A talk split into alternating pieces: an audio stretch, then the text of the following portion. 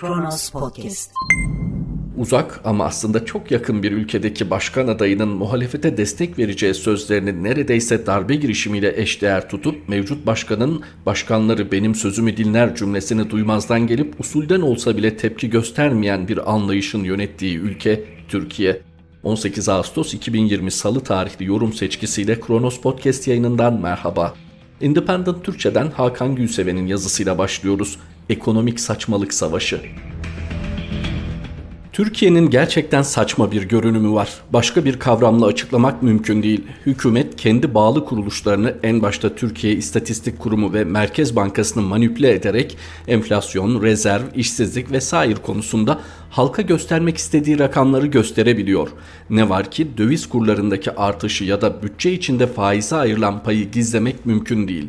İşte burada manipülasyonun yerini ajitasyon alıyor. Hazine ve Maliye Bakanı Berat Albayrak'ın sosyal medya hesabından büyük harflerde kullanarak yaptığı ajitasyon işin zirvesiydi. Şöyle diyordu. Ekonomide milli bağımsızlığın bir bedeli var. Bizim ecdadımız bu bedeli canı pahasına sayısız kere ödedi. Sıra bizde. Biz bugün bağımsızlık mücadelesinde taşın altına elimizi değil yüreğimizi koyuyoruz. Allah yar ve yardımcımız olsun.'' Bakan Albayrak malumunuz bir televizyon kanalında döviz kurundaki yükselişle ilgili soruya da siz maaşınızı dolarla mı alıyorsunuz diye bir soruyla karşılık vermiş. Üzerine bir de Türkiye'nin dünyada bir devrim gerçekleştirmekte olduğunu söylemişti. Dış güçlerin Türkiye üzerinde büyük bir oyun oynadığı söylemi zaten uzun süredir hükümetin resmi çizgisi haline geldi. Amerika Birleşik Devletleri başkanlık seçimlerinde Donald Trump'ın rakibi olan Joe Biden'ın Türkiye'de muhalefeti desteklemek yönündeki sözlerinin aylar sonra ısıtılıp yeniden piyasaya sürülmesi söz konusu dış güçler söylemi için yeni bir can simidi oldu. Zira inandırıcılığı iyice zayıflamıştı. Sondan başa doğru dönelim. Dış güçler Türkiye Cumhuriyeti bütçesinin 8'de birini faiz olarak ödediğimiz ayrıca ana para ödemelerini de bir kenara yazıp yeni borçlar aradığımız finans kaynaklarını elinde bulunduran ülkeler. Türkiye'nin milli gelirinin %60'ını geçen dış borcuna rağmen hala itibardan tasarruf etmediğini takip edip o borçları nasıl tahsil edeceklerini hesaplıyor ve kredi notunu sürekli düşürüyorlar.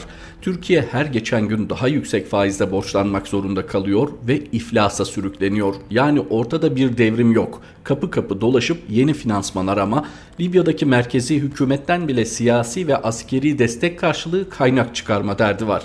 Ekonomik bağımsızlığa gelince ekonomik bağımsızlık savaşı verdiğini söyleyen AKP iktidarı altında kamuya ait ne varsa yabancı sermayeye satıldı. Hatta pijamayla bile satıldı. Bu arada ülkenin finansal kuruluşlarının çoğunluk hissesi emperyalist finans kapitale geçti. Enerji, telekomünikasyon, bilişim gibi başat sektörlerde yabancı sermaye egemenliği tesis edildi. Madenler, limanlar, dağlar, taşlar yabancılara satıldı. Misal Kaz Dağları yabancı bir maden şirketi tarafından gün be gün yok edilmekte. Daha dünya kadar garanti ödeme yapılacak köprüler bile yerli ve milli olamıyor. Dış güçlere ait. O yüzden dini bayramlarda bedava yapılamıyor ve biz pandemi döneminde de o köprülere tıkır tıkır garanti para ödedik. Şimdi bu manzara karşısında Hazine ve Maliye Bakanı Ecdat bağımsızlık savaşı ve bedel ödemekten söz ediyor. Ecdat ve bağımsızlık savaşı elbette işin ajitasyon kısmı. Esas konu bedel ödemek.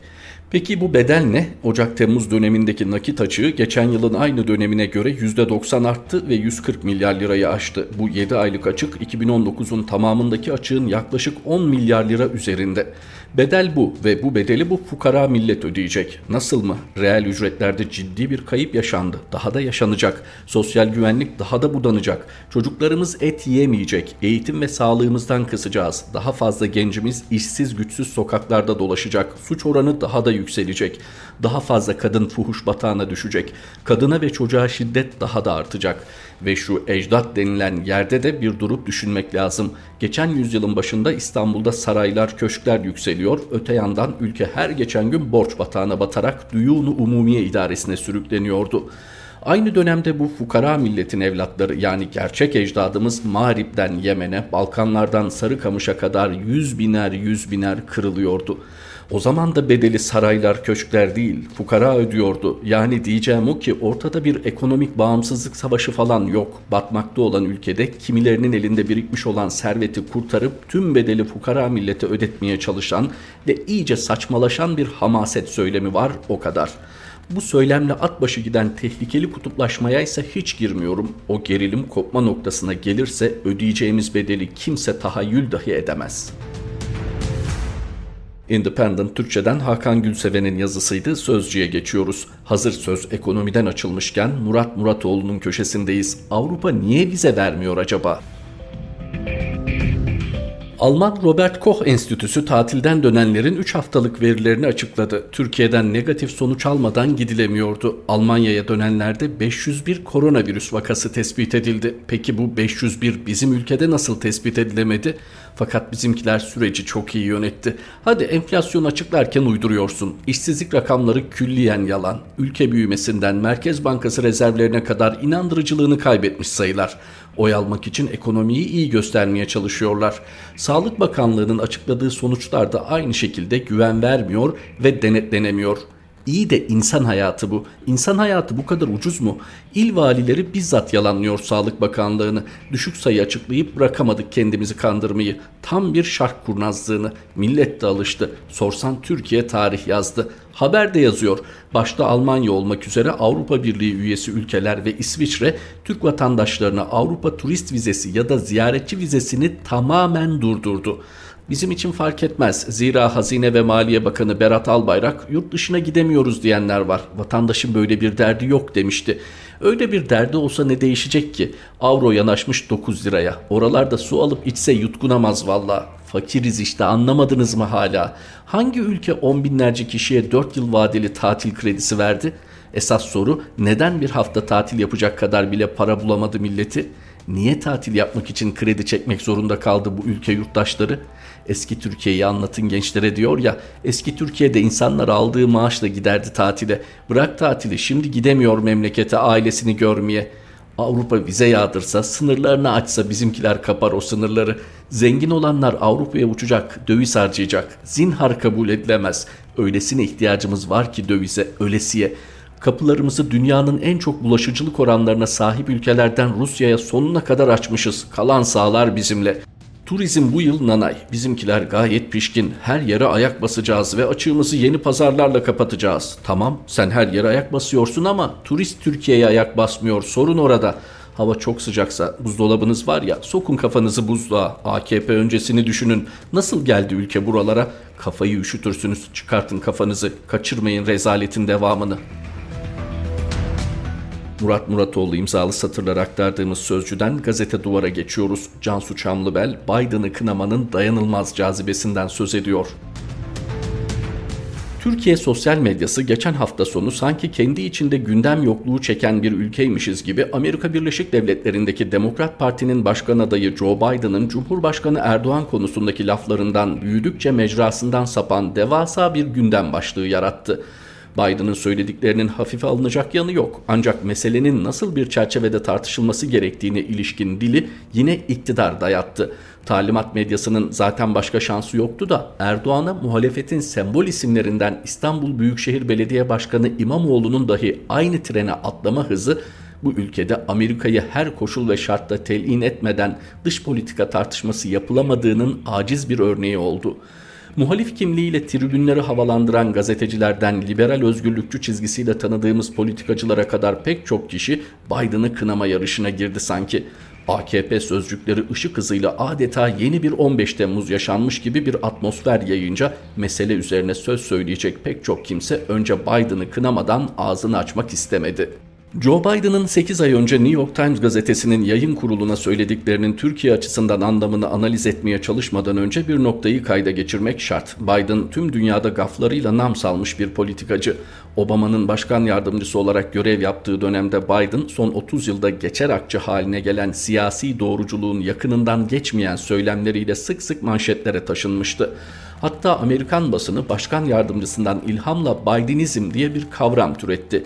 Siyasi jargon bilen Amerikalılardan sohbet sırasında boş konuşanlar için Biden'lık yapıyor lafını duymuşluğum vardır. Gerçi mevcut başkan Donald Trump son 4 yılda kendisine epey kuvvetli bir rakip olarak çıktı. Ancak Biden'ın hafızalardaki gaflarını da unutturamadı. Biden ve Trump ikisi de yaşlı, ikisi de imtiyazlı beyaz adamlar. İkisi de yabancılar ve azınlıklarla ilgili küstah düşüncelere sahip ve ikisi de o küstahlığı çok da gizleme gereği hissetmiyor. Biden'ın 16 Aralık 2019'daki birkaç saatlik röportaj sırasında New York Times yayın kurulundan bir gazetecinin tüm başkan aday adaylarına aynı cümlelerle sorduğu Türkiye sorusuna yanıtı tam da kendisini meşhur eden küstahlığı ve umursamazlığın bir karışımı olmuş. Amerika Birleşik Devletleri'nin göz bebeği F-35 uçaklarından bahsederken F-15 diyen Biden'ın o konuşma içinde kurduğu her cümlede derin anlamlar arayanlara mani olmayayım. Türk liderliği içinde hala var olan unsurlarla temasa geçip Erdoğan'ı seçim yoluyla yenmeleri için cesaretlendirmeliyiz. Darbeyle değil, darbeyle değil şeklindeki sözleri Gülencileri kastediyor diye okumak Beştepe'nin her darboğazda sarıldığı indirgemeci siyasi söylemi beslemek açısından son derece kullanışlı elbette.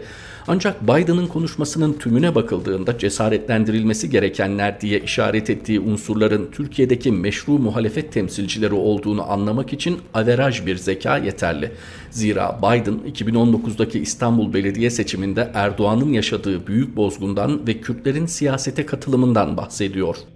Bugünkü anketler 2016'daki gibi dünyayı yanıltmıyorsa 2,5 ay sonra Amerika Birleşik Devletleri'nin yeni başkanı olarak karşımıza çıkacak bir politikacının müttefik en azından hala kağıt üzerinde devlet başkanı ile ilgili ifadelerinin diplomatik teamüllere uymadığı ortada. Dolayısıyla siyasi kariyerini Salt Erdoğan sözcülüğü üzerinden inşa edenlerin malum tepkiyi koyması da fevkalade doğal. Halbuki bu hikayenin bir de o tepkiyi koyanların perdelemeye çalıştığı başka boyutları var. ABD devlet mührünün üzerine işli olduğu kağıt üzerinde Trump'ın Erdoğan'a gönderdiği ve aptal olma sözleriyle sonlanan 9 Ekim 2019 tarihli mektup sonradan kendisine iade edildi diye Amerikan Devlet Arşivinden silinmedi mesela. Dahası Trump o mektuptan yaklaşık bir ay sonra Beyaz Saray'daki görüşmenin ardından Erdoğan'la birlikte kameraların karşısına geçtiğinde YPG komutanı Mazlum Kobani için onunla çok iyi bir telefon konuşması yaptık, çok yakın çalışıyoruz diyebildi. Ankara'nın terörist dediği ve hakkında kırmızı bülten çıkarttığı biri için stratejik ortak ifadesini kullanan bir ABD başkanına gösterilemeyen şiddetli tepkinin Türkiye'deki seçilmiş muhalefet temsilcileriyle temastan bahsetti diye bir başkan adayına gösterilmesini neyle izah ettiklerini kimse bilmiyor. İzah etmeyi gerektirmeyecek opak bir siyasi iklimi sürekli kıldığınızda zaten bu sorular kendiliğinden gündemden düşüveriyor. Biden 7 ay önce yayınlanan ancak ülkemizin esrarengiz bir biçimde bugün keşfettiği o röportajı verirken henüz Demokrat Parti'nin başkan adaylarından biriydi. Aradan geçen sürede doğaldır ki görüşleri değişmedi. Katılımcılarından duyduğum kadarıyla birkaç hafta önce kendisiyle yapılan kapalı bir toplantıda söz Türkiye'ye gelince New York Times görüşmesindeki ifadelerinden çok daha ileri ifadeler sarf etmiş.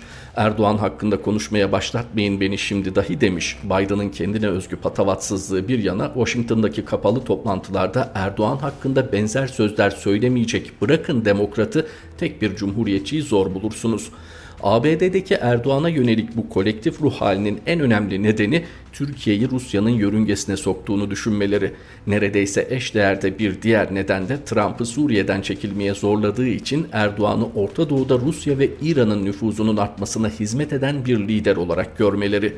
İslamcılığından, otokrat olmasından bahsediyor olmaları ise işin sadece sosu. Joe Biden'ın başkan olma ihtimali Beştepe için elbette iyi haber değil. Doğrusunu isterseniz Donald Trump dışında hiçbir Amerikalı politikacı Beştepe için iyi haber olamaz zaten. Suriye ile ilgili kritik kararları kendi ulusal güvenlik ekibi yerine Türkiye Cumhurbaşkanı ile konuşarak alacak başka bir ABD başkanını tarih zor yazar. Öte yandan Biden başkanlık koltuğuna oturursa geçmiş ilişkilerinden deneyimle şu puslu ortamda Erdoğan'la ortalama bir ton tutturma ihtimali olan tek demokrat politikacı belki de. Beştepe için asıl kötü haber Biden'ın başkan yardımcılığı için Kamala Harris'e aday göstermiş olması. Amerikan siyasi çevrelerinde uzun süredir speküle edilen senaryo gerçekleşir de Biden seçimi kazandıktan sonra ileri yaşını ve sağlığını gerekçe gösterip koltuğu Kamala Harris'e bırakırsa Ankara'nın işi zor. Harris'in ilk icraatlarından biri ilk 24 Nisan'ında Ermeni soykırımını tanımak olacaktır. Gerisini yazacak çok fırsat olacak gibi gözüküyor. Gazete Duvar'dan aktardık Cansu Çamlıbel'in yazısını sırada posta var. Oral Çalışlar Kılıçdaroğlu'nu sağcılıkla suçlayanlara sesleniyor. CHP içinde ve dışında bazı çevreler Kılıçdaroğlu'nun ittifak siyasetini partiyi sağa çekme olarak yorumluyor. Bu görüşleri son kurultayda İlhan Cihaner ayrıntılı bir şekilde savundu. Gerçekten CHP lideri sağcılaşıyor ve partiyi de sağcılaştırıyor mu? Önce şu noktada netleşelim. İttifak siyaseti farklı görüşlerdeki siyasi partilerle yapılır. Aynı düşüncedeki kimselerin oluşturduğu birlik ittifak değildir. Farklı görüşteki partilerle ittifak ya da koalisyon bazı ortak hedefler için yapılır. Buna asgari müşterekler de diyebiliriz. CHP'nin ittifak yaptığı veya yapma ihtimali olan partiler hangileridir? İyi Parti, HDP, Saadet Partisi. Şimdi bu ihtimalin içine Deva ve Gelecek Partileri de girdi. CHP böylesine bir ittifakın içinde yer almayı neden hedefliyor? Birinci olarak iktidar olabilmek için %25-30'luk oy oranıyla %50 artı 1'e ulaşmak ancak ittifakla mümkün. Öncelikle bu yüzden diğer partilerle işbirliğine ihtiyaç duyuyor. İkinci olarak CHP'nin başından beri itiraz ettiği başkanlık sistemini değiştirebilmek için böyle bir ortaklık zorunlu. Bütün bu partilerin üzerinde birleştiği nokta güçlendirilmiş parlamenter sistem. O zaman ittifakın temeli parlamenter sisteme dönüş ilkesiyle atılabilir düşünce, ifade ve örgütlenme özgürlüğü, kanun hükmünde kararnamelerle işlerinden çıkarılan insanların haklarının iade edilmesi ittifakın üçüncü ayağı olabilir. Daha birçok alanda atılması gereken demokrasi adımlarından söz edebiliriz. Siyasi partiler kanunu, seçim kanunu, yerel yönetimler kanunu ve benzer kanunların değişmesi gibi. Bunları yapabilmek için CHP kiminle birlikte hareket edebilir? Çoğu kendisine göre sağda sayılabilecek partilerle. Sağcı partilerle birlikte hareket edince bir parti sağcı mı olur? Burada dikkat edilmesi gereken nokta ittifakın hangi ilkeler temelinde yapıldığı ve bu birlikteliğin siyasi hedefinin ne olduğu. Demokrasiyi güçlendirmenin yolu farklı olanların ittifakından geçiyor. Kendisini solda varsayanlar her türlü birlikteliğe sırt çevirerek tertemiz kalacaklarını mı düşünüyor? Bugünün solculuğu demokrasinin önünü açacak bir birikim yaratmak, farklı güçleri bu amaç etrafında yönlendirebilmektir. Postadan Oral Çalışlar'ın yazısıydı. Ahvaldeyiz şimdi de. Nurcan Baysal kişisel deneyimlerinden yola çıkarak genel bir rahatsızlığı dile getiriyor. Kürtler elinizin körünü istiyor. Bir süredir Ege'de bir sahil beldesindeyim. Biraz kafa dinleyip yeni kitabım üzerinde çalışmayı amaçlamıştım ama nafile. Bulunduğum sitede ve gittiğim her yerde Diyarbakırlı olduğumu duyunca verilen tepkiler daha ilk haftadan beni bunalttı. Öncelikle sevgili komşularım sizlerin Kürt arkadaşınız olup olmadığını inanın hiç merak etmiyorum. Kürtlerin çoğunluğunun da böyle şeyleri merak ettiğini sanmıyorum. O nedenle sizlerden ricam lütfen benim de Kürt arkadaşlarım var lafını artık gömü vermeniz. Mesela benim de yüzlerce Türk arkadaşım var ama size sürekli bunu söyleme ihtiyacı hissetmiyorum. Bir diğer duymaya tahammül edemediğim şey hiç Kürtlere benzemiyorsunuz cümlesi. Bu şekilde bana övgü yaptığınızı düşünüyorsanız yanılıyorsunuz. Ben bunu kendime ve parçası olduğum halka karşı hakaret olarak algılıyorum. Hayalinizdeki Kürt nasıl bir şeydir bilmiyorum ama hayallerinizi yıktığım için inanın üzülemeyeceğim. Abinizin, dayınızın ya da teyzenizin bir Kürtle evli olup olmaması da inanın beni ilgilendirmiyor ya da Kürt kökenli akrabalarınız olması veya sizin kökenlerinizde de Kürtlük olup olmamasının ilgilendirmediği gibi. Ama tabii Kürt kökenli ve bölge kökenli laflarının sinir katsayımı artırdığını gizleyemeyeceğim. Bizim bir ismimiz var sevgili komşularım. Oldukça basit, tek eceli, kolay da. Kürt efendim, Kürt. Sevgili komşularım, sizlerden sık sık gelen Kürtler ne istiyor sorusu beni yapış yapış nemli bu yaz günlerinde bunalıma sokuyor. Yapmayın, etmeyin lütfen. Cezaevlerine şöyle bir bakın. Kimlerle dolu? Kürtlerin seçimle gelen belediye başkanları nerede diye bir sorun kendinize. Kürt çocuklar neden ana dillerini bilmeden büyüyorlar bir düşünün. Bunu da düşünemiyorsanız eğer boşaltılan binlerce köye götüreyim sizi. Niye boşaltıldılar, kim yaktı bu köyleri bir sorun. Bu kadar verimli bir coğrafyaları varken Kürtler neden mevsimlik işçi oldular? Neden gelip sizin çöpünüzü toplamaktalar? Bir Kürt işçiyle konuşun. Bu ülkede televizyonda anasının ninnisini söylemek için 20 saniye neden izin ister bir Kürt şarkıcı düşünün. Samsun'da domuz avına çıkmıştık diyerek öldürülen Kürt mevsimlik işçi Perihan Akın'ın resmine bakın. Kendinizi Perihan'ın çocuklarının yerine koyun. Girin internete 7000 yıllık memleketim Sura yapılana bir bakın. Yetmediyse Cizre bodrumlarına uzanın her gün televizyonlarda aşağılanan, hakaret edilen bir halkı düşünün ve bu halka yapılan her türlü zulmün terör adı altında kapatıldığını, daha geçen ay Batman caddelerinden kaldırılan Peşipeya, önce yaya yazısına bakın, bu yazıdaki terörü bulmaya çalışın. Ne diyeyim sevgili komşularım, Kürtler ne istiyor sorusunun cevabını 40 yıldır bulamamışsanız sizlere tek bir cevap verebilirim ancak. Kürtler elinizin körünü istiyor. Ahval'den aktardığımız Nurcan Baysal imzalı satırlar bu birlikteliğimizdeki son paylaşımımızdı. Mehmet Şahin yeni yorum seçkimizde Kronos Podcast yayınında tekrar buluşmak üzere. Hoşçakalın. Kronos Podcast